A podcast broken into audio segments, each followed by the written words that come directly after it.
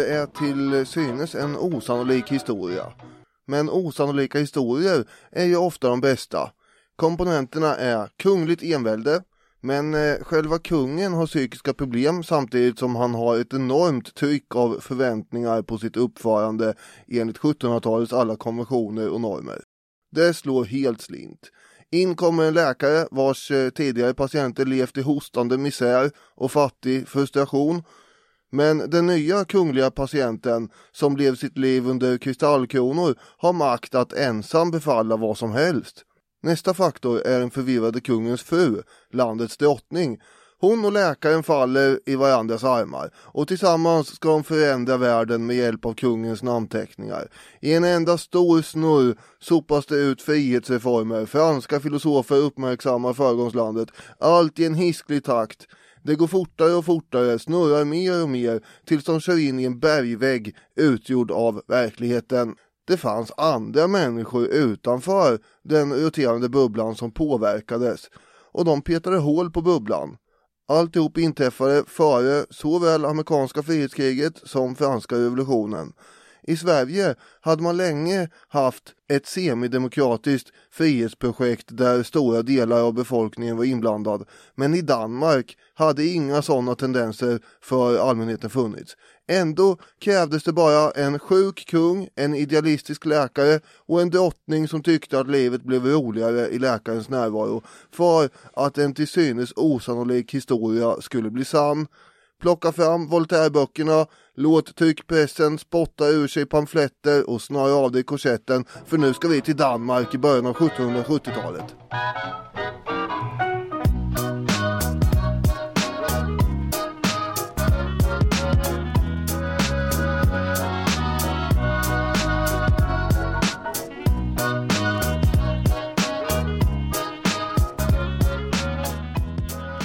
Ni är varmt välkomna till Historiepodden.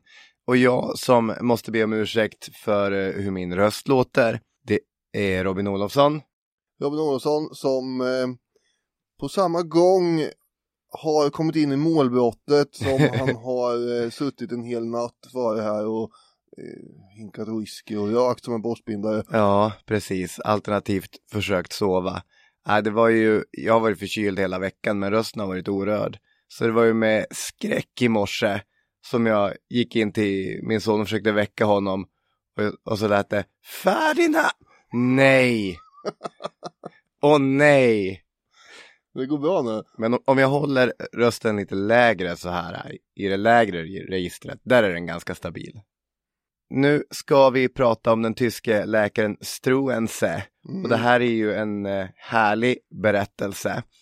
Vilken tycker du är mer elegant av de två kända dramatiseringarna? Nu pratar jag om titlar. P.O. Enquists roman Livläkarens besök eller den danska storfilmen får man kalla den. A Royal Affair. Vilken som, jag har ju inte läst Enquists bok. Nej, vilken titel du tycker är mer tilltalande? Ja, det är väl hugget som stucket. Det är, jag vet inte. Det är två bra titlar. Titlarna, det är väl innehållet som är det relevanta. Ja, både och skulle jag kanske hävda. Det var ett litet eh, fyrkantigt sätt att foga in att det här är ju en berättelse som givetvis har lockat eh, författare, filmare, dramatiker och liknande. Just ja. för att den är otrolig. Det är ju en typisk sån här verkligheten överträffar eh, fiktionen. Mm. Jag är ju ganska upprörd över det här, att, eller upprörd att ta i, men eh, det stör mitt ordningssinne att eh, Danmark nu med nya Fredrik har haft två Fredrikar på rad utan en Christian emellan. Alltså jag vet att, jag vet att de har haft Margret mellan det. Eh, men, men sen 1523 så har det varit varannan Christian, varannan Fredrik och när det äntligen då kommer en drottning så heter hon Margareta den andra. Allt är i sin ordning. Men nu får vi ju två Fredrik på rad, blir det inte så? Vad fan heter han? Fredrik den tionde. Men vad i helvete. Jag trodde han hette Christian. Visst är det upprörande? Ja. ja det här är ju, nu när du säger det är ju, va, vilken, vilket schabbel. Ja. Men hur tänkte Margret här när hon fick, fick en eh, son bara, nej men eh, nu ska vi se. det här är ju helt otroligt. Här är det då en drottning vi pratar om som alltså inte har koll på att hennes pappa hette ju eh, Fredrik. Ja, Ja, det tror jag hon vet. ja, det borde hon ju känna till. Ja. Och, hon borde också känna till att den här pingpong-grejen de håller på med, Ja, Fredrik, Christian Fredrik, att den har hållit på som sagt sedan 1500-talet. ja. Varför i hela Häcklefjäll döper hon grabben till Fredrik då? Det måste ju vara ett slags eh, förlängt föräldrauppror. Nu bryter jag det. Alltså det är ju nästan så, det är, jag, det, jag blir ju jätteupprörd på sådana här dumheter. Men sen heter ju Fredriks äldsta Christian. Just det. Det var, ehm, så då är vi väl ändå tillbaka i någon form. Men det blir ändå ett, hack i hela längan här. Ja. Det är svårt att gissa danska kungar eftersom alla heter Christian eller Fredrik. Och, och en Hans en gång långt tillbaka. Eh, men det är också lätt att gissa dem eftersom alla heter Christian och Fredrik. Ja, och sen ska vi få in eh, ordningsnumren också förstås. Ja, den sjunde ska vi prata om idag. Ja, eh, och, Christian alltså. Och Danmark hade ju styrts eh, med hårda nypor kan man säga traditionellt. Mm. Det är enväldig kungamakt, det vill säga om han vill så är kungens ord allt som krävs för att besluta något egentligen. Just det. Och i praktiken så fattar väl i och för sig kungen beslut ofta i konselj med sitt kabinett men eh, i verkligheten kunde han ju bestämma vad han ville. Mm. Livegna bönder har vi här. Det finns en lag, lagen om stadsbandet, eller stadsbandet. Mm. Nu blev det norskt, jag vet inte eh, hur man uttalar det här förstås. Men det går ut på då att man är bunden vid torvan så att säga. Man kan inte hur som helst bara schappa iväg. Om Nej, man känner för det. låter som livegenskap. Det är ju en form av det. Eh, Och det är en stark och sträng kyrka. Och där har vi väl någon form av vä- väldigt eh, svepande bakgrund till eh, Danmark före 1770-talet. Mm, men relevant så tillvida att eh, det är ju på ett ironiskt sätt det här mycket ålderdomliga statsskicket eh, eller odemokratiska statsskicket som möjliggör en, en mycket hastig, man ska inte kalla det demokratisering, men någonting. I, alltså, det, det är ett system som går att vända mot sig självt Mm. under en period.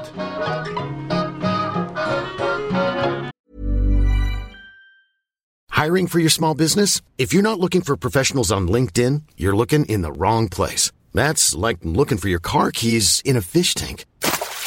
LinkedIn helps you hire professionals you can't find anywhere else, even those who aren't actively searching for a new job but might be open to the perfect role. In a given month, over 70% of LinkedIn users don't even visit other leading job sites. So start looking in the right place. With LinkedIn, you can hire professionals like a professional. Post your free job on linkedin.com/people slash people today. Millions of people have lost weight with personalized plans from Noom, like Evan, who can't stand salads and still lost 50 pounds. Salads, generally, for most people, are the easy button, right? For me, that wasn't an option. I never really was a salad guy. That's just not who I am. But Noom worked for me. Get your personalized plan today at Noom.com. Real Noom user compensated to provide their story. In four weeks, the typical Noom user can expect to lose one to two pounds per week. Individual results may vary. Since 2013, Bombas has donated over 100 million socks, underwear, and t-shirts to those facing homelessness. If we counted those on air, this ad would last over 1,157 days. But if we counted the time it takes to make a donation possible, it would take just a few clicks. Because every time you make a purchase, Bombas donates an item to someone who needs it. Go to bombas.com slash ACAST and use code ACAST for 20% off your first purchase. That's bombas.com slash ACAST, code ACAST.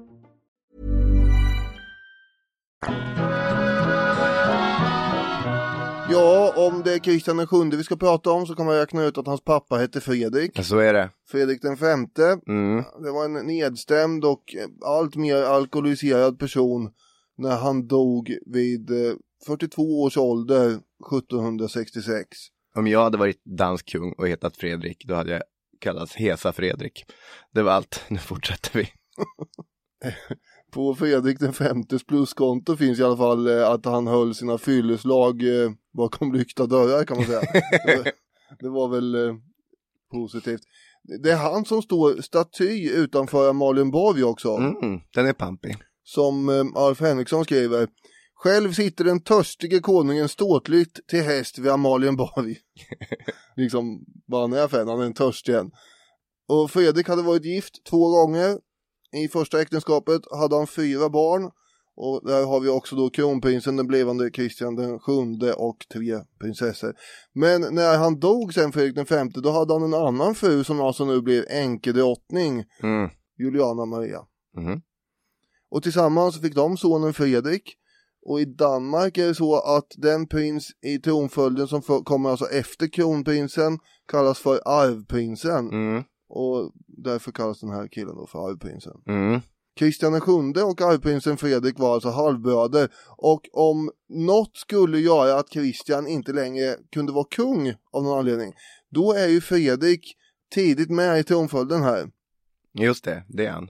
Vilket kanske kungens styvmor, alltså änkedrottning Juliana Maria, inte kunde låta bli att tänka lite på. Nej. Att hennes egen son skulle kunna bli kung här, eventuellt. Kristian VII tillträdde tronen 17 år gammal i januari 1766. Mm. Och eh, på pappret är han alltså enväldig men i praktiken styrs eh, mycket via kabinettet.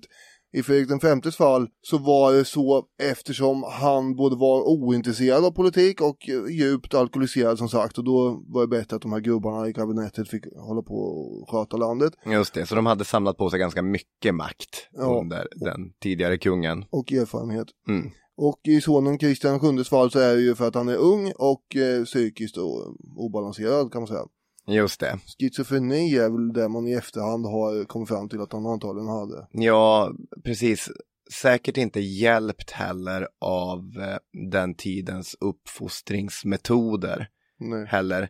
Nu är jag lite färgad av att jag gick tillbaka och, och läste om stora delar av P.O. Enquists roman. Jag läste den i ung 20-årsålder och hade glömt bort stora delar av den. Och, och det är ju inte historieskrivning, det är ju fiktion.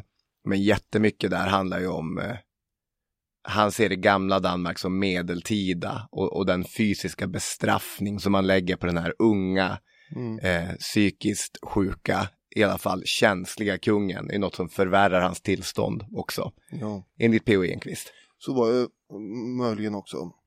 Kabinettet leddes ju av Ernst Bernstorff. Mm. Han förde en diplomatiskt skicklig utrikespolitik och lyckades hålla sig sams med Katarina av Ryssland och sånt där. Mm. Under en kort period så hade faktiskt kungens lärare, en schweizare, fått visst inflytande på landets politik. Mm. Eh, Det var så att han hade fått Christian att uppmärksamma frågor som handlar om böndernas livssituation. Men av en händelse så skickas då snart den här schweizaren ut ur landet 1767. Otur. Det var nog inte bara otur utan det var nog så att den här Bernstorff låg bakom den här manövern. Men den händelsen är ganska intressant eftersom den hintar om att det är möjligt att nå makt för utomstående Just det. innan det som snart kommer hända händer. Mm. Christian var ju en odåga egentligen då, får man väl säga. Man hoppades ju på att hans beteende skulle förändras, så att det berodde på att han var tonåring och sånt Mm. Just det, omognad. Ja, men han var exceptionellt oartig och väldigt svår att ha i möblerade rum. Och det är oftast mest ett talesätt det här, Ja, att, att det inte går att ha någon i möblerade rum. Men när det gäller Kristian sjunde så var det bokstavligen så, han slog ju sönder inredning i parti och minut under olika aggressionsutbrott. det gjorde han. Gamla vaser och speglar, Mm. tavlor in i väggen, stolar och ljusstakar, pang ner i golvet. Talade till folk på eh, mycket otrevligt maner. Rena möbeldefenestreringarna. kan man säga, absolut. Manchester Uniteds legendariska tränare Sir Alex Ferguson, han eh, hade ju en metod för att eh, få unga fotbollsspelare som väldigt snabbt tjänade mycket pengar och blev kändisar att eh, hålla sig lugna. Och det var att han uppmuntrade dem att gifta sig så tidigt som möjligt. Mhm. Bokstavligt talat, han kunde ligga på de här stackars flickvännerna. Nu är det dags, dags att trä en ring på det där fingret och börja skaffa barn och så. För han tänkte att giftermål gör män lugna och stabila. Mm. I fallet eh, kungligheter så leder ju också giftermål till eh, diplomatiska allianser och tronarvingar. Mm. Och allt det här är ju någonting som man behöver om man ska ha en kontinuitet i sin kungalänga. Så 1766 så kommer ju Kristian den sjunde giftas bort, eller bli gift, med en engelsk prinsessa, George den tredjes yngre syster. Eh, hon heter Caroline Matilde. Och tanken då var ju att precis som Ferguson tänkte att nu kanske det äntligen blir lite lugn och ro, ordning och reda på den unge kungen. Sven Wikberg som eh, skrev om det här på 1940-talet. När han presenterar Caroline så kostar han på sig att snabbt recensera den nya drottningens utseende. Mhm. Caroline Matilde var ingen skönhet, men genom sin friskhet och sitt intagande naiva sätt blev hon snart populär i Danmark. Mm. Man tänker på Bruce Springsteens gamla hit Thunder Road. Jag kan inte sjunga den, det håller Nej. inte rösten för, men han sjunger ju då Show a little faith, there's magic in the night. You ain't a beauty, but hey you're all right. And that's all right with me. Bruceans Mary är ingen skönhet, men det är okej, det räcker för honom. Och det verkar vara samma sak med Caroline Matilde. Det räckte för Danmark. Och äktenskapet blir också lyckat i en enda avsikt egentligen. Det föds en tronarvinge. Snabbt Ja. också. Eh, Och, och vad får den heta? eftersom Christian heter Christian så får Fredrik heta Fredrik. Ja, precis som det ska vara med andra. Ja, Ja, men det här var ju på tiden för han hade ju, det var inte så att han var oskuld när det här hände, utan han sprang ju runt på um, bordeller till höger och vänster och hans eh, favorit prostituerade kallades ju för Stövlett-Katrin. ja precis. Turnerade runt med sina kompisar i Köpenhamns uteliv och betedde sig allt utom konungsligt. Och ja, men han bar sig illa åt vid hovet också och, gjorde grimaser och pratade högt för sig själv. Och han onanerade ju maniskt hela tiden med. Ja. Och en gång kom han ju in under en middag i Kristiansborg med byxorna vid fötterna och höll på.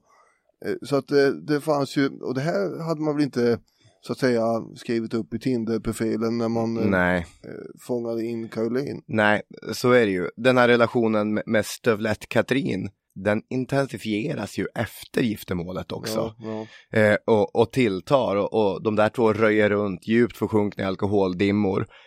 Och eh, dels hade ju hon en lägenhet nära slottet där kvällarna ofta slutade. Men det var inte ovanligt heller att eh, kungen eh, tillsammans med henne dök upp på gamla bordeller där hon hade olika typer av eh, tvister som han skulle hjälpa till att, eh, att lösa.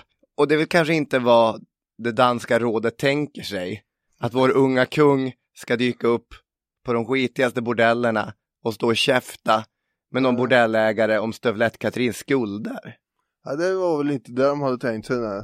De hade tänkt sig något annat. Exakt.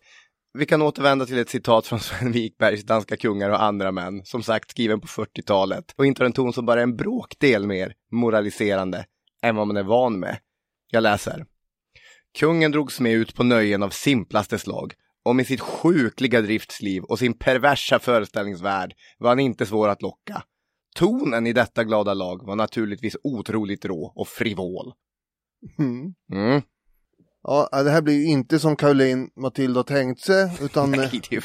Hon har ju gift sig in i en jävligt katastrof. Ja, verkligen. Så det går ju åt pipan med den där idyllen hon hade föreställt sig kanske. Men det är lite oklart varför det blir så, eller alltså man hör ju här på allt det här så att det, det är inte så oklart. Men den här frostiga stämningen däremot, jag menar, han gillar ju Stövlettkatrin. Så han hade ju kunnat gilla drottningen. Men eh, det kan ha att göra med hovreglerna som handlar om att man skulle framstå som en smula kylig och avvisande. Just det. Det var vad Caroline hade fått höra eh, var det korrekta sättet. Ja. Men det var inte rätt melodi med Christian i alla fall. Det var inte så Stövlett-Katrin förhöll sig till Christian. Nej, det tror jag inte. Sen no nobelt avvisande. Eh, I filmen eh, A Royal Affair så läggs ju skulden på änkedrottningen Juliana Maria Mm. som viskar i kungens öra att hovet enligt rykten uppskattar att det äntligen har kommit någon som är konstnärligt begåvad när eh, drottningen sitter och spelar piano då. Just det. Och eftersom Christian var väldigt intresserad av musik, teater och konst och sånt där så eh, blir det här som en slags hundvissla för att trigga hans avundsjuka gentemot drottningen. I filmen framställer man det så här. Eh, och det är inte säkert att det var så egentligen. Det kan ju ha varit varför det skar sig så att säga vet jag inte. Nej.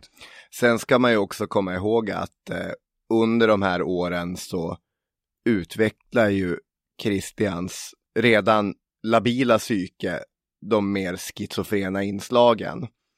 Alltså, det började ju bli tydligt att kungen inte bara var omogen eller otrevlig utan han började ju få paranoida föreställningar. Att han i själva verket är en bortbyting. Eh, och som du säger, de här e- episoderna när han slår sönder allting och, och går lös på slottet som vore han Sid Vicious i ett hotellrum. Mm. bli- Blir värre och intensifieras. Att han är ju, han mår inte bra. Nej men det gör ju inte hon heller när han, Nej, nej. när han kallar henne för ammande kossa och sånt där. Han tycker hon är tjock. Ja, och um, väldigt elak.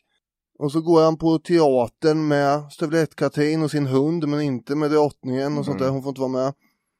Och eh, ja, det blev väl lite väl många bordellbesök och förstörelseturnéer och sånt där. Så till och med folket började skvallra om vad som pågår. Det var ju Mm. det som var skillnaden mot hans far då, som Just hade det. hållit på och levt över inomhus så att säga. Ja. Eh, och nu agerar då Bernstorff igen Mm. och skickar iväg stövlettkapten till Holstein eh, mutad då med Så var det löst. 400 riksdaler om året bara hon håller sig borta. Och eh, dessutom så börjar det bli dags för kungens utlandsresa, Mm. vilket oroar kabinettet förstås, för nu kan det bli skandal på skandal på skandal vid utländska hov så som Christian håller på.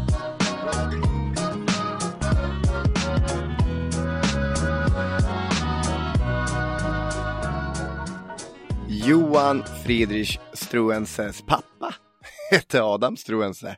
Och han kom från Halle i norra Tyskland. Om någon undrar varför jag börjar med att prata om Johan Friedrich Struenses pappa så tycker jag att det är relevant eftersom i Halle i Tyskland så fanns det pietister. Det är en av pietismens nästen. Och pietismen behandlade vi i rätt stor detalj i avsnittet som kom tidigare i vintras om väckelsen. Mm. Den här nya kristna rörelsen som uppmuntrade till ett mer personligt förhållningssätt till Gud. Friare religiöst tänkande. Och eh, det fanns lite olika tolkningar på det. Men eh, den skola som pappa Struense tillhörde skulle i svensk kontext kallas läsare. Var person ska själv läsa Bibeln och andra religiösa skrifter och få en egen personlig relation till Gud. Och Struenses farfar, tror jag, om ni inte var hans morfar. Jag baserar det här på en dansk historieskrivning på engelska där man använder idiotbegreppet grandfather. Eh, han var läkare. Och eh, på det sättet så har vi alltså, ja, där, han, han följer i släktens nedtrampade stig. Vad vad du vill ha fram är att Struense var läkare. Ja, precis. Och att det, det, det fanns i släkten. Det finns alltså fritt religiöst tänkande och läkarskråt i släkten. Mm. Och slår man ihop det, Mm. då börjar vi närma oss den här huvudkaraktären. För tillsammans med pappas troense så hade sonen, den unge läkaren, som 19-åring flyttat till Altona. Idag är Altona en stadsdel i Hamburg. Men på 1700-talet så var det mer en tvillingstad som dessutom låg på den danska sidan gränsen. Men det är ju en speciell stad för ja, det tillhör Danmark men det är ju en tysk stad. Där man pratar tyska och tänker tyska. Mm, Det tillhörde Danmark då ja. Eh, Ja, precis. Nu, av orsaker, mycket kända sådana på 1800-talet, så är inte Hamburgs förorter danska Nej. idag. Att redogöra för hans uppväxt utanför den stränga lutheranska tron och att dessutom placera honom i just Altona menar jag är viktigt eftersom Altona inte är Köpenhamn.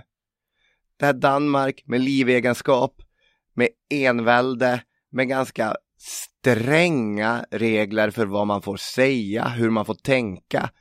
Det fanns inte i Altona. Det var en slags frihamn för dissidenter och religiösa kverulanter. Ett nordtyskt upplysningsfäste. Där kunde man lära sig till exempel medicinska metoder. Eh, det gjorde Struense. Han lärde sig från en vid tiden berömd judisk läkare, Hartog Gertsson, hur man ympade. Det är den här primitiva versionen av vaccinering mot smittkoppor. Och i Altona så läste Struense massor av tysk och fransk upplysning. Han läste Montesquieu och Voltaire, tyckte han om. Eh, de lite mindre kända Helvetius och Bolanger högaktade han.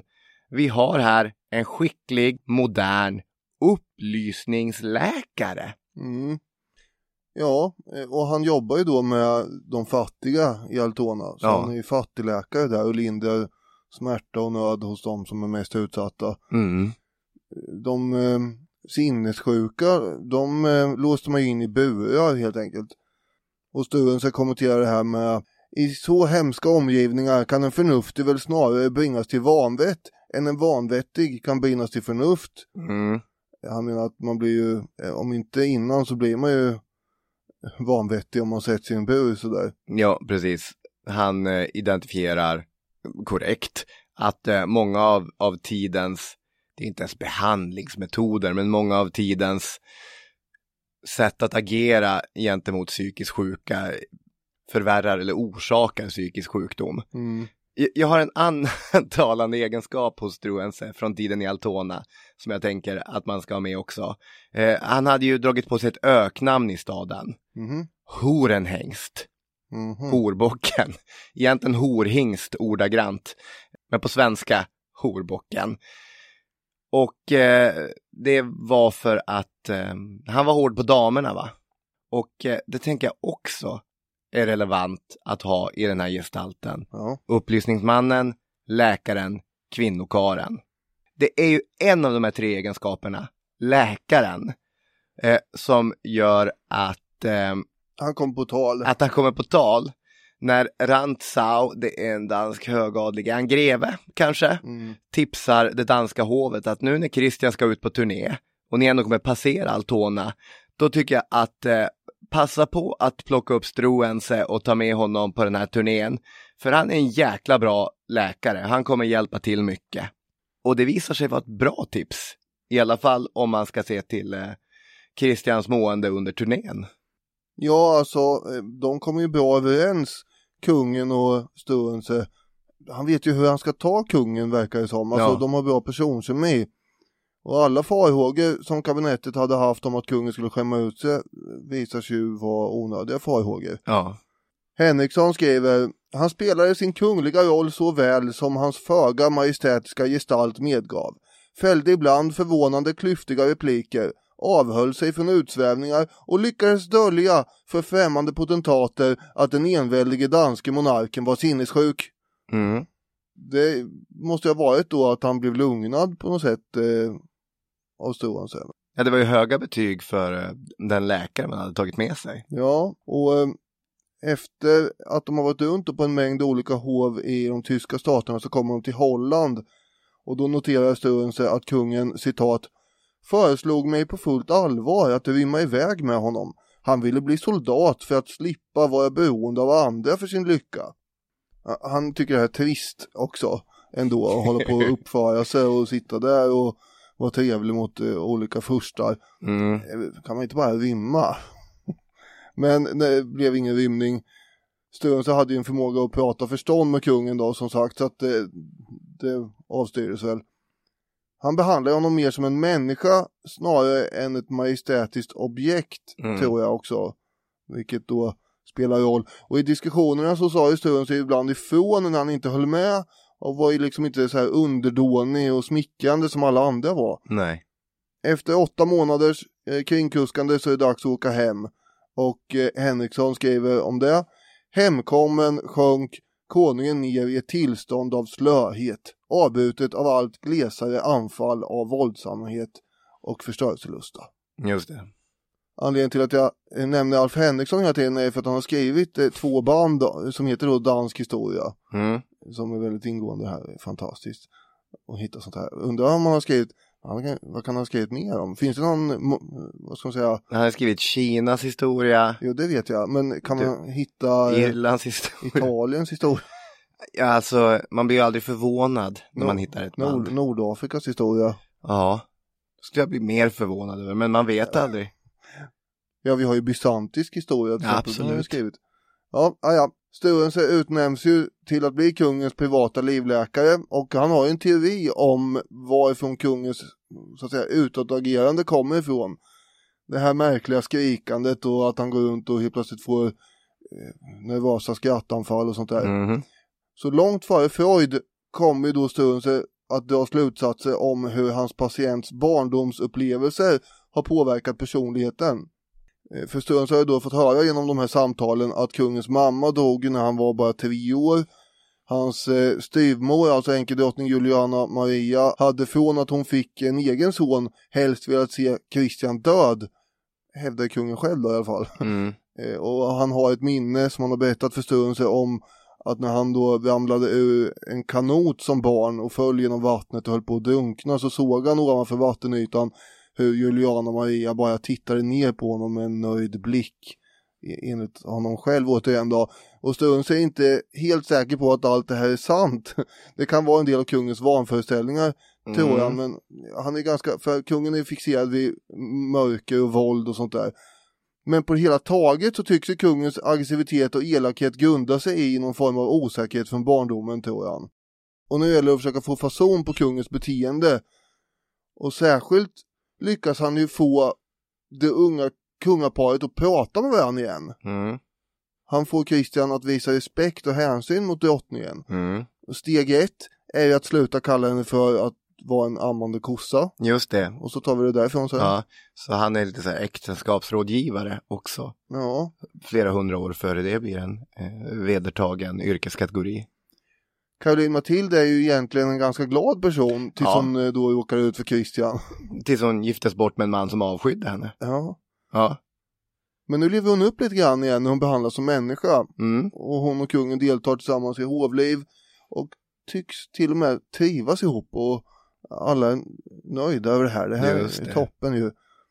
Och samtidigt är ju Sturunse nästan ständigt närvarande runt kungaparet.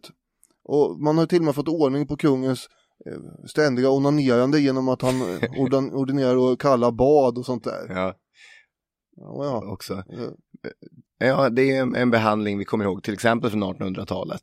Mm. Den första perioden av Struensees bana vid det danska hovet utmärks ju dels av en försiktighet. Han agerar inte politiskt som han kommer att göra eh, sen och historiker har beskrivit hur han observerar intrigerna från en trygg distans. Men det är också de här framstegen som kungen och drottningen gör som stärker hans case. Dessutom så ympar han ju också prinsen, vilket eh, inte är ett riskfritt ingrepp på den här tiden Nej men eh, blir lyckosamt och det, det blir också någonting som stärker hans case som en mycket skicklig läkare. Alltså att ha Struense kring kungaparet verkar ju vara en framgångsfaktor. Medicinskt, beteendemässigt. Struense är bra för Danmark.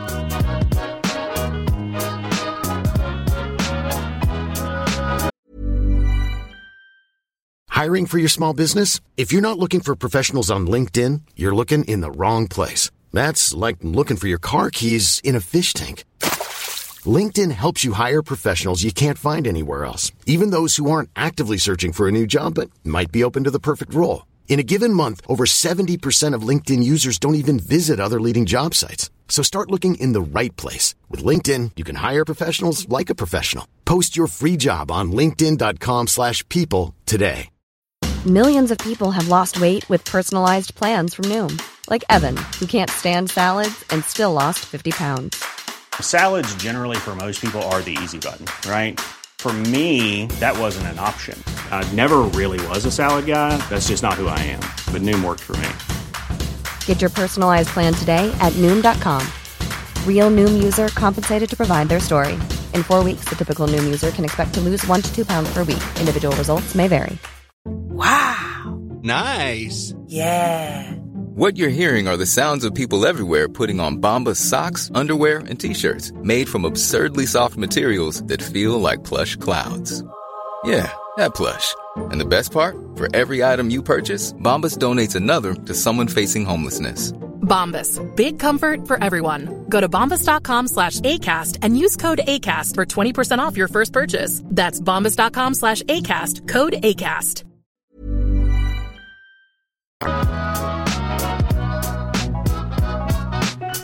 Och han stiger ju i ögonen på kungaparet hela tiden då, särskilt då efter den här ympningen och så av sonen. Kanske mest stiger han väl ändå i ögonen på drottningen som från början var lite avståndstagande. Ja, Men hon delar ju intresse för upplysningsidealen. ja. Annat de delar kommer att vara kroppsvätskor. Ja, för det är, alltså, Nu börjar det liggas. ja, det, det, det gör det. Och eh, om du som tonåring har gifts bort med en man som avskyr dig och du har kallats, eh, som du säger, amma, fet kossa. Eh, du har känt dig eländig och misslyckad. Och så kommer in i rummet en äldre världsvan horbock som har erfarenheter, ett jäkla behagligt sätt, som uppvaktar dig, som får dig att må bra, eh, både så här psykiskt men också kroppsligt. Många historiker säger att eh, den här affären, skandalen, är obegriplig.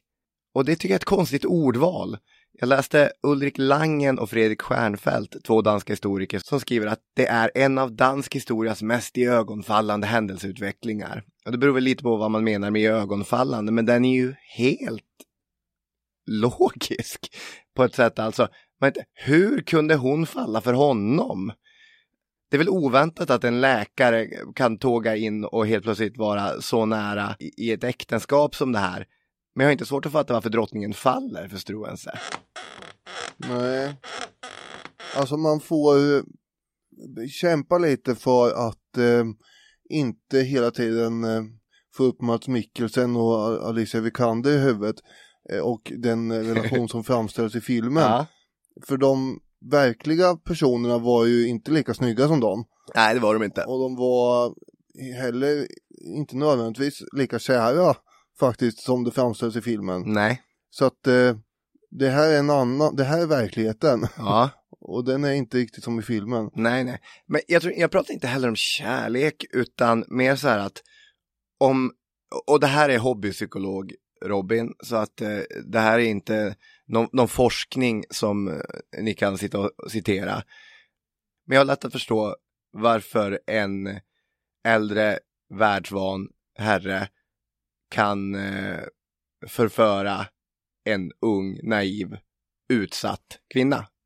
Ja, alltså de, hon har ju, för det första är hennes sociala umgänge väldigt begränsat Ja. också. Så bara det eh, är ju betydelsefullt. Ja.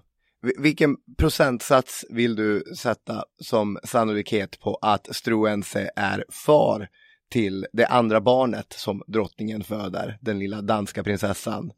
Ja, jag ligger ju och, och hovrar här runt siffran 100% skulle jag vilja hävda. Ja, de får barn tillsammans, Struense Mm.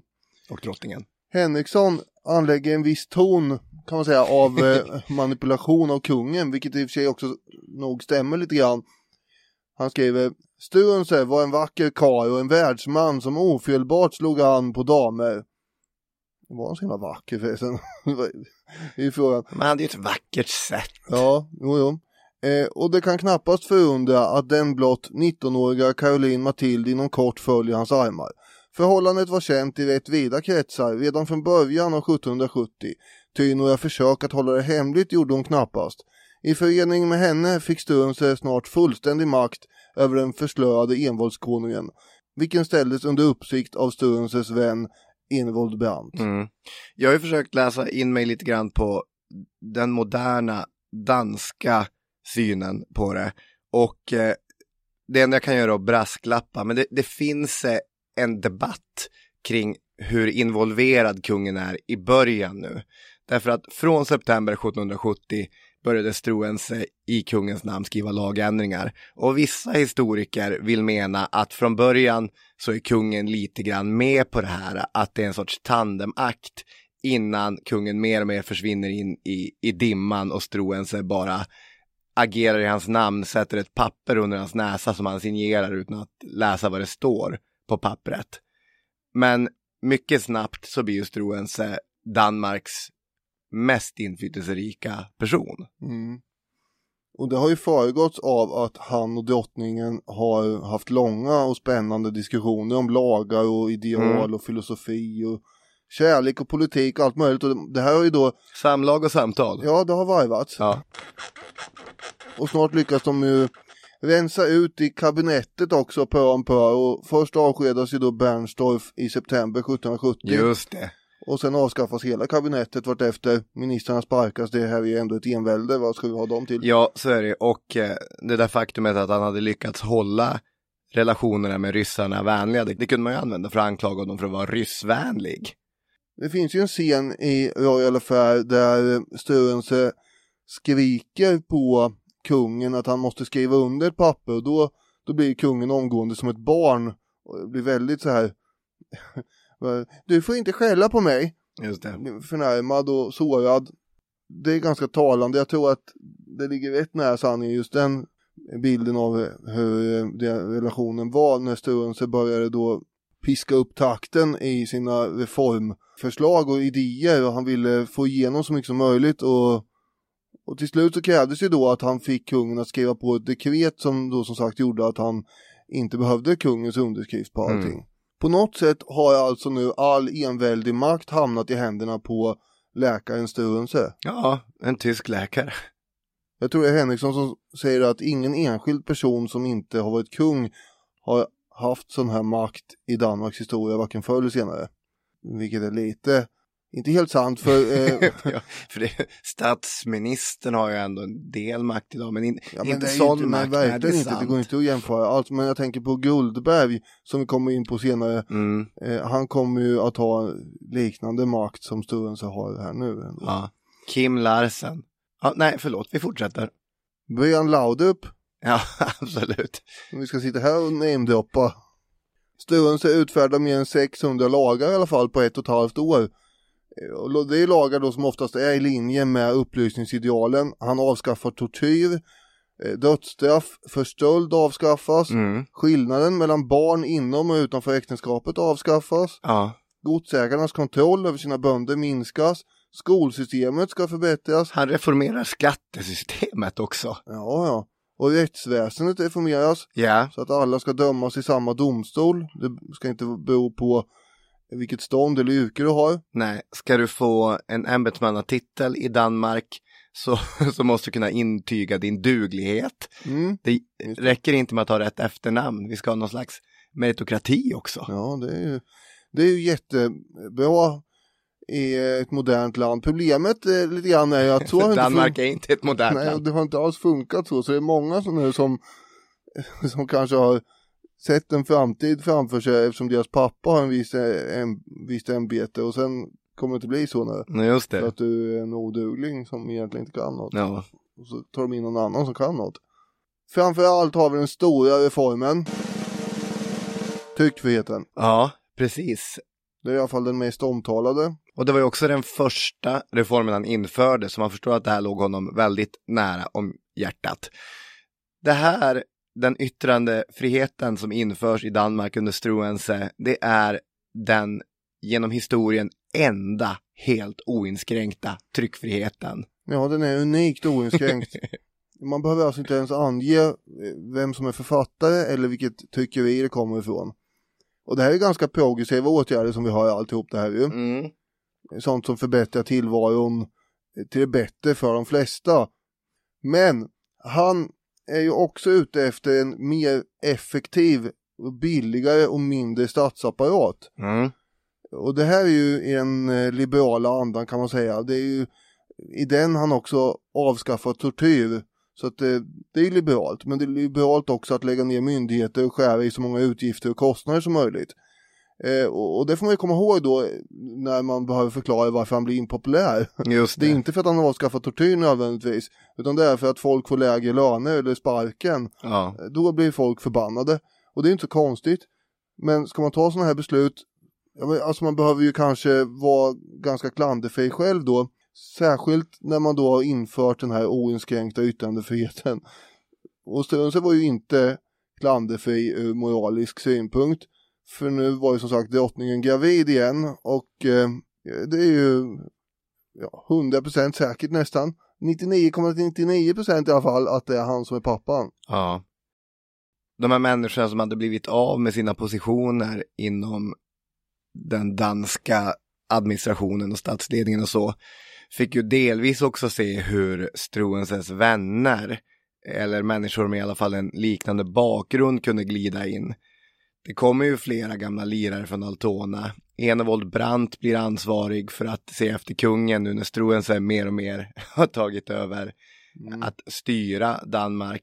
Greve Rantzau som inledningsvis propagerat för Struense får någon slags ÖB-liknande jobb. Och så, så att, eh, Och honom hatar ju eh, Katarina den stora. just det, Så att eh, det är också relevant. det är ju inte jättebra. Nej. Under den här perioden, nej, det kan ju försvåra den utrikespolitiska situationen.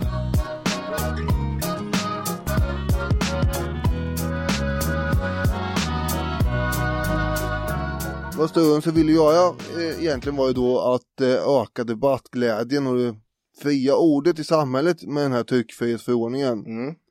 Och vad han fick var ju, kan man säga, en flod av satir, polemik och rent hat istället. Tryckerierna hade ju varit väldigt hårt bundna tidigare av censurlagarna men nu kunde man då formligen ösa ut pamfletter och skrifter om allt möjligt. Mm. Och många skrifter dundrar ju då mot det moraliska förfallet i samhället. Mm. Det klagas på den dåliga renhållningen och det är alkoholismen som håller på att förstöra samhället och allt möjligt. Mm. Och inte minst så är det ju kritik mot Sturen sig själv som publiceras i omfattande mängd ju. Och, och tilltagen också lite försiktigt i början, sen mer och mer och mer. Ja, det börjar ryktas att kungen i stort sett var Sturensens fånge och sånt där. Mm. En arkivarie skrev en dikt som innehöll orden Sitt Christian, sitt fast, sitt ensam på din tron. Varpå då någon förstås i allmänheten lustifierade den där satsen och så fick det ny spridning med orden Ligg Christian, ligg fast, ligg ensam på din fru. Mm. Så höll de på. Ja. Vilket då inte bara antyder utan visar ju att eh, nu är ju ryktena ute här om Mm. eh, vad som försiggår egentligen mellan drottningen och Sturensson också. I juli 1771 så födde ju då Caroline dottern Lovisa Augusta eh, som då ansågs redan då eh, ha varit Sturensens dotter. Det var ingen hemlighet liksom huruvida kungen och drottningen tillbringar nätterna ihop eller inte, utan det var ju någonting nästan som, eh, visste ju, man visste ju folk i hovet om de hade gjort eller inte. Just det. Och eh, nu visste man ju att det hade de inte gjort. Och i augusti så publiceras då smaskiga uppgifter om det här triangeldramat i, eh, i slottet i tidningen Tidskriften för patriotiska skribenter. Oj. Och då skriver man Är det möjligt för en hustrus älskare att vara hennes mans uppriktig vän och trogne rådgivare? Undrar man. Och ett par dagar senare publiceras det också texten Förgyllda gemak är inte så täta att de döljer horkaren och horan. Eh, Och ja, det, det bara pumpas ut sådana här eh, elakheter egentligen då. Mm. en teologistudent var lite mer finurlig och gav ut pamfletter där kungahuset blev en fabel med titeln Den ystre hönan. Och, och hönan jagar då bort en tupp och sen springer hönan in i ett apotek och parar sig med en struts. Och vem som är vem i den här fabeln är ganska tydligt. Det är först när det kommer då egentligen uppgifter som publiceras att kungen inte är frisk i huvudet som Sturrense får nog. Eh, han insåg att eh, det går inte att ha en totalt fri press här eh, om de inte alls behöver ta något ansvar för det som Nej. skrivs.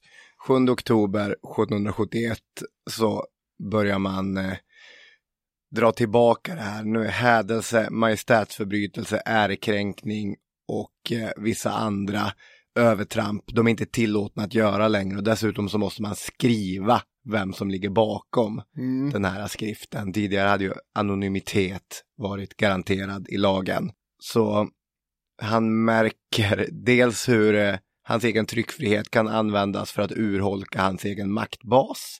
Men också att eh, total tryckfrihet är ett intressant socialt experiment.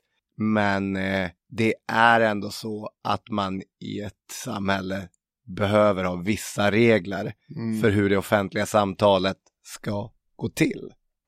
Det är intressant där tycker jag och den äldre skolans historiker, de värderade ju den debatten och de skrifterna som kom i Danmark under den här korta tryckfrihetsperioden som det var trams. Det ni håller på med är trams, sa de. Ja. Du får inget svar därför att du håller på med trams. Eh, så här skriver Jonas Nordin i Svenska Dagbladet att det var en kaskad av värdelösa småskrifter som till innehållet pendlade mellan det talanglösa och det osmakligt kränkande. Istället för städade diskussioner om sociala och ekonomiska reformer torgfördes smädelser, religiösa svärmerier och halvpornografiska smaskigheter. Men det där har ju börjat omvärderas lite grann. Man har framförallt i mer modern forskning noggrant gått igenom all debatt som fördes. Inte bara den som handlade om kungen och Struense personligen.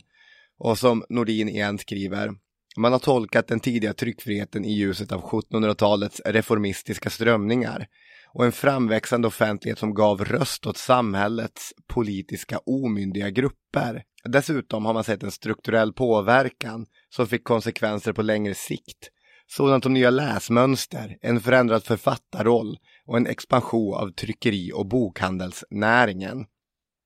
Och eh, jag hittade en stor tjock bok på engelska som handlade framförallt om eh, just tryckfrihetsdebatten och som går igenom alla olika ämnen som debatterades Mhm. eh, i kapitelform. The World's First Full Press Freedom av Ulrik Langen och Fredrik Stjernfeldt, två danska historiker. Ja, men till exempel så går de igenom eh, en debatt om helvetet som helt plötsligt bryter ut i Danmark. För det kommer en pamflett i september 1771 om helvetets vara eller icke vara. Där resonemanget går ut på att synder och villfarelser alltid har varit vanligare än fromhet och sanning. Det betyder, menar skribenten, att de välsignade måste vara färre än de fördömda. Mängden lidande i helvetet måste vara större än saligheten i himlen. Vilket går emot själva idén med Guds skapelse. Och då landar den här skribenten i slutsatsen att antingen finns inte helvetet eller så är mängden lidande i helvetet ändligt. Att det liksom, det kan inte vara evinnerligt lidande, det måste ta ett slut. Annars så faller hela idén om Guds skapelse. Och den här skriften får massa passionerade svar.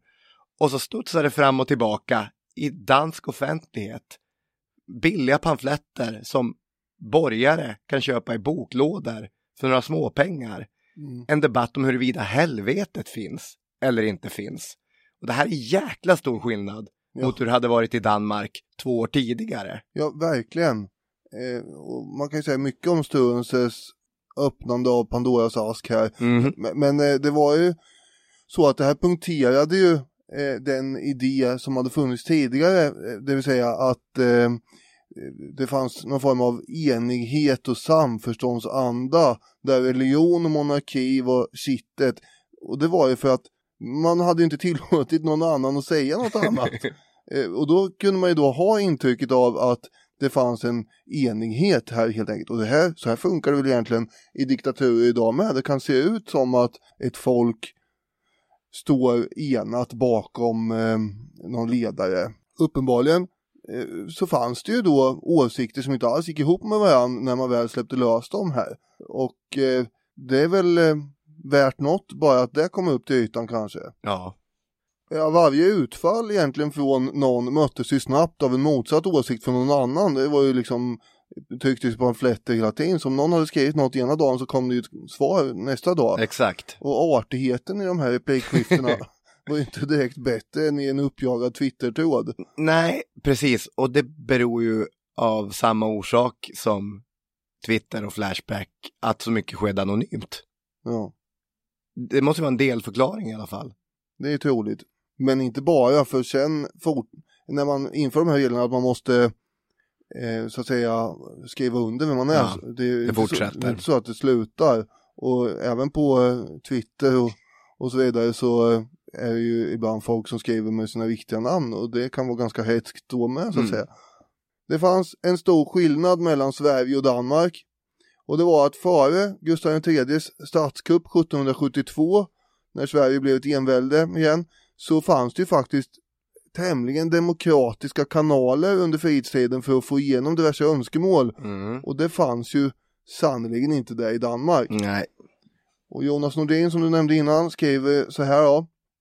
I Sverige debatterades i stor utsträckning samma frågor i pamfletterna som på riksdagen och det fanns institutionella möjligheter att omsätta en allt mer radikal agenda i reformer och lagstiftning. Opinionsbildare kunde samlas i politiska partier och det fanns etablerade forum med rutiner för att hantera åsiktsbrytningar. Mm. Det vill säga man träffades under riksdagen och höll på att gaffla. Eh, och sen fortsätter han citatet.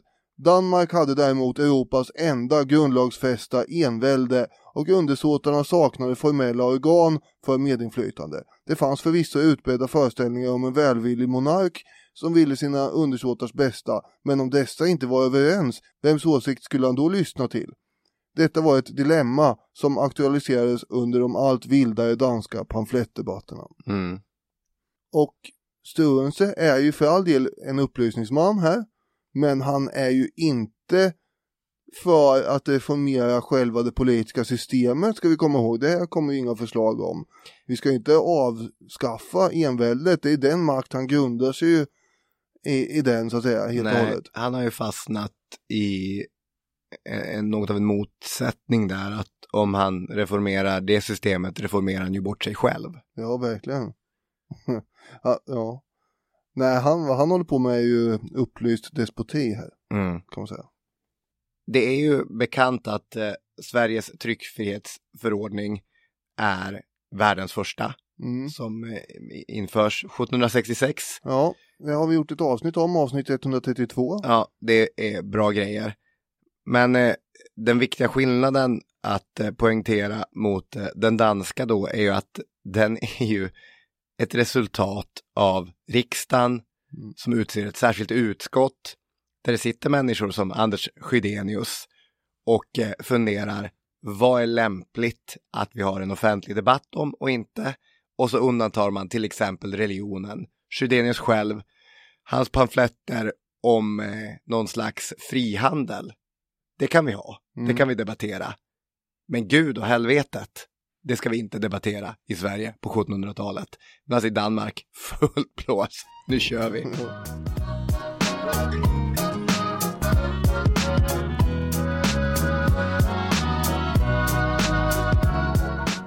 Struensee var ju en ganska ivrig upplysningsman, men han var ju också oändligt naiv.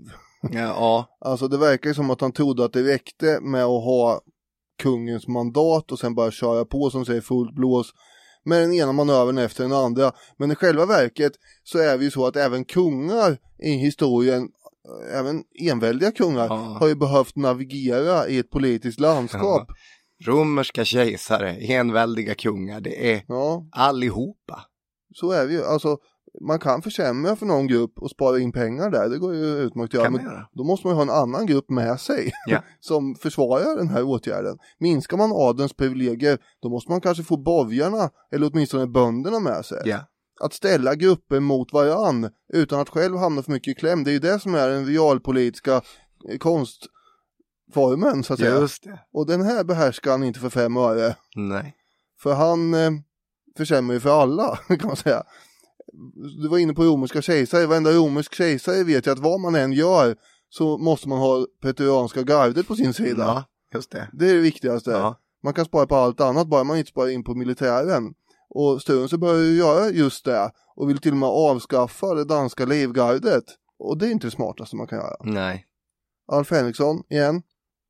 Alla dessa nymodigheter väckte missnöje i varsina kretsar och någon popularitet tycks Struensee inte heller ha åtnjutit i de breda folklager som han ville så väl.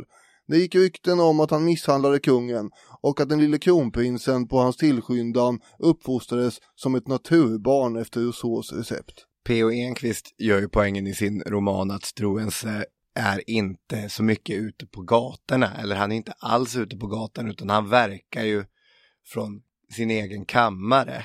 Och eh, då blir han ju någon sorts, eh, jag vet inte, mörkerminens eller ska man få folket med sig så måste ju folket se en och känna till en också. Mm.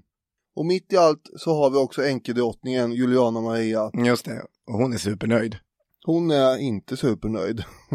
Eh, Kring henne kan man säga att en opposition samlas, Mm. eller kanske snarare konspiration. Ja, Ja. Vi är framme vid 1772 då. Man kan ju vara både och va? Ja, ja det kan man ju. Och eh, en av dem som är med i den här oppositionskonspirationen det är då greve Rantzau som tidigare varit vän med Sturönse. Mm. Men Sturönse har ju vägrat att hjälpa greven med hans enorma eh, skulder och då blir Rantzau arg. Kan du inte bara skriva av dem? Nej, det går ju inte, tycker Sturönse. It's a write-off for them. How is it a write-off? They just write it off. write it off what? Jerry, all these big companies, they write off everything. You don't even know what a write-off is. Do you? Och sen har vi då en annan i den här, eh, det här gänget. Det är ju då Ove Hög Guldberg som är en religiös historieskrivare. Bland annat så hade han skrivit en världshistoria i tre band som, som dessvärre slutar redan vid Peloponnesiska kriget på 400-talet före Kristus. Ja, så där kan det vara när man påbörjar ett för stort projekt. Ja, men man får väl ändå anta då att det är en ganska detaljerad världshistoria och hur omfattande hade den blivit om den hade fått gå fram till 1700-talet. Ja, ja, ja. Eh, I den här eh, Royal Affair så spelas han ju av eh, David Dencik Mm.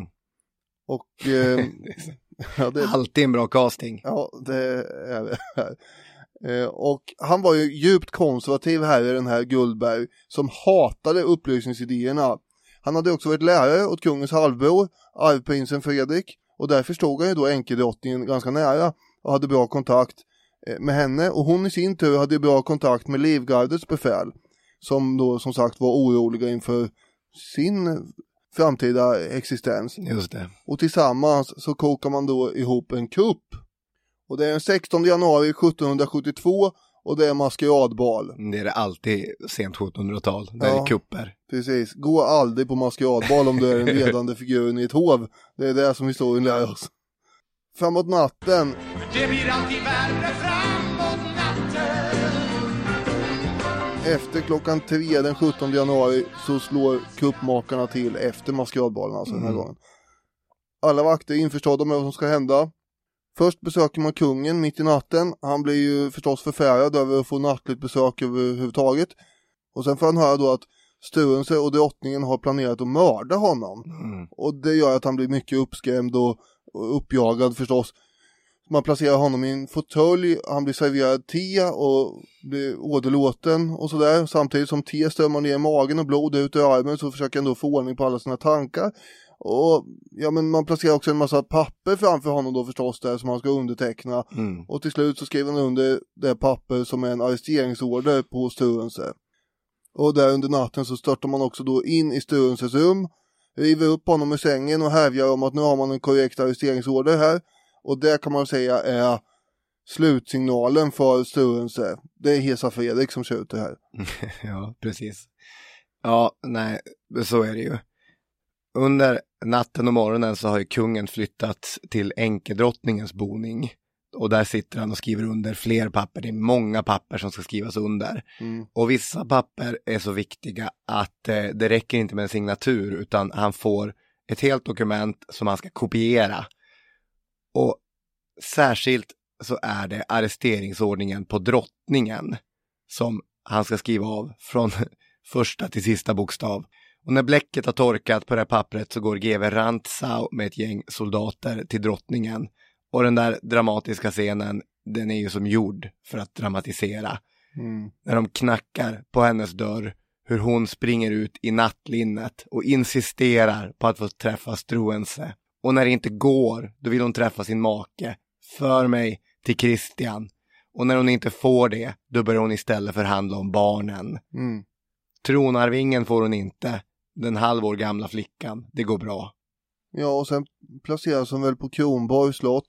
Man hade ju tänkt att man skulle låsa in henne Mm. mer eller mindre för alltid på Ålborgs slott. Ja, Men sen var det ju det här va? just det. Med att hon hade en bror som hette George III och var kung i England. Ja, Det, det, och han i sin tur började då prata lite löst om krig.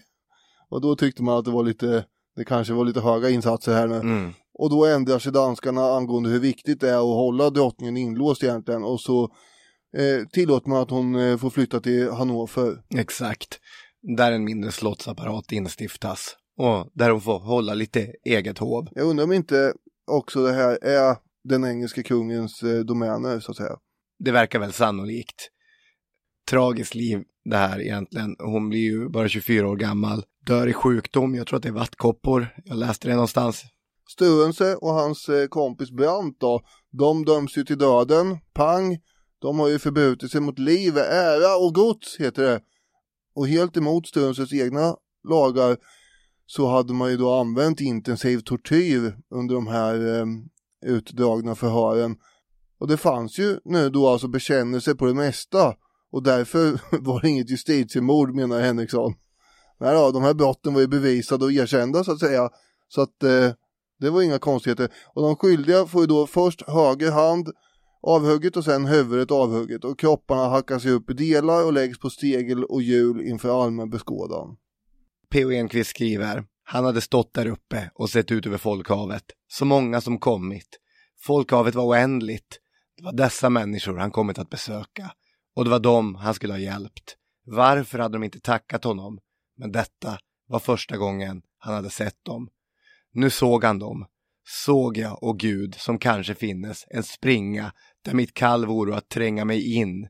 Var det för deras skull och nu är allt förgäves. Borde jag frågat dem, och Gud, jag ser dem och de ser mig, men det är för sent och jag kanske borde ha talat till dem. Och så fortsätter han så. Han har en liten existentiell debatt med sig själv där uppe. Ja, han borde ha talat till dem, tänker jag. Ja, han, borde ha, han borde ha träffat dem, sett dem, rört sig ute bland dem. Och mitt i den här diskussionen med Gud som kanske finns får han sin arm avhuggen. det är ju, då är det ju då är det för sent. Då är det inte jättelätt att sen fortsätta ha inre monologer med sig själv. Hans kropp drabbades då av ryckningar så starka att skarprättaren, när han skulle avhugga huvudet, helt förfelade sitt mål. Struens hade rest sig upp på knä, öppnat munnen som han ville tala till alla dessa tusental han nu såg för första gången. Och så pressade han ner på blocket och så är det chop. Mm.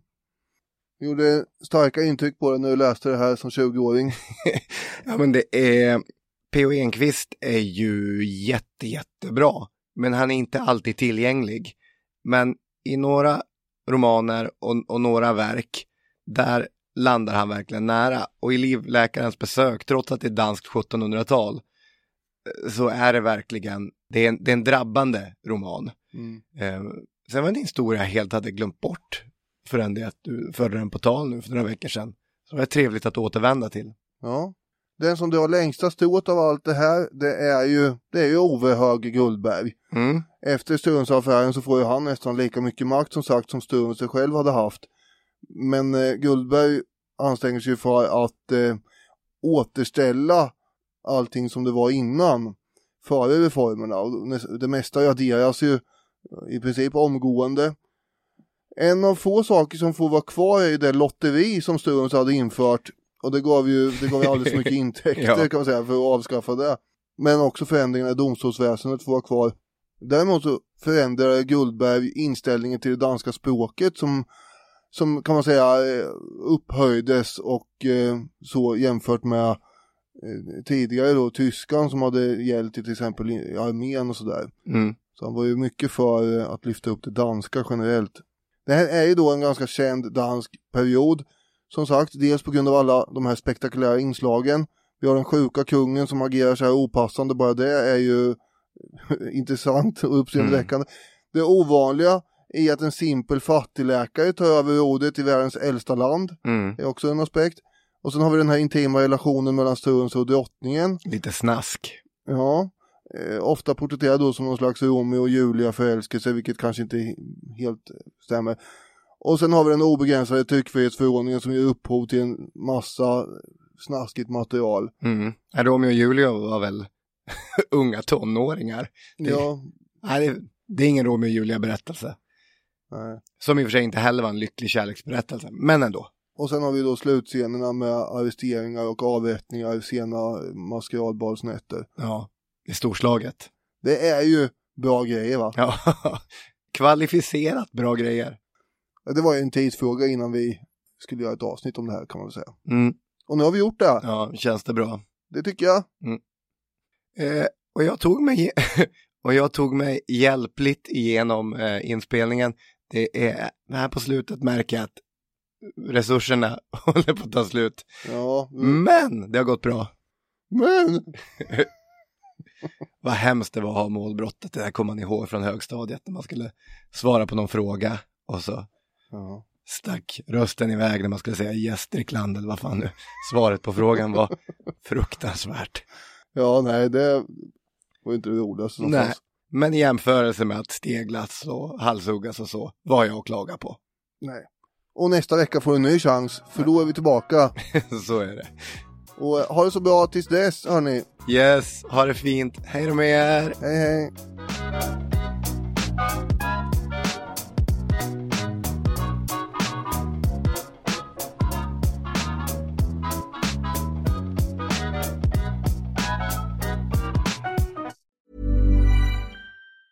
Planning for your next trip? Elevate your travel style with Quince. Quince has all the jet setting essentials you'll want for your next getaway, like European linen, premium luggage options, buttery soft Italian leather bags, and so much more. And is all priced at 50 to 80% less than similar brands. Plus, Quince only works with factories that use safe and ethical manufacturing practices. Pack your bags with high-quality essentials you'll be wearing for vacations to come with Quince. Go to quince.com slash pack for free shipping and 365-day returns.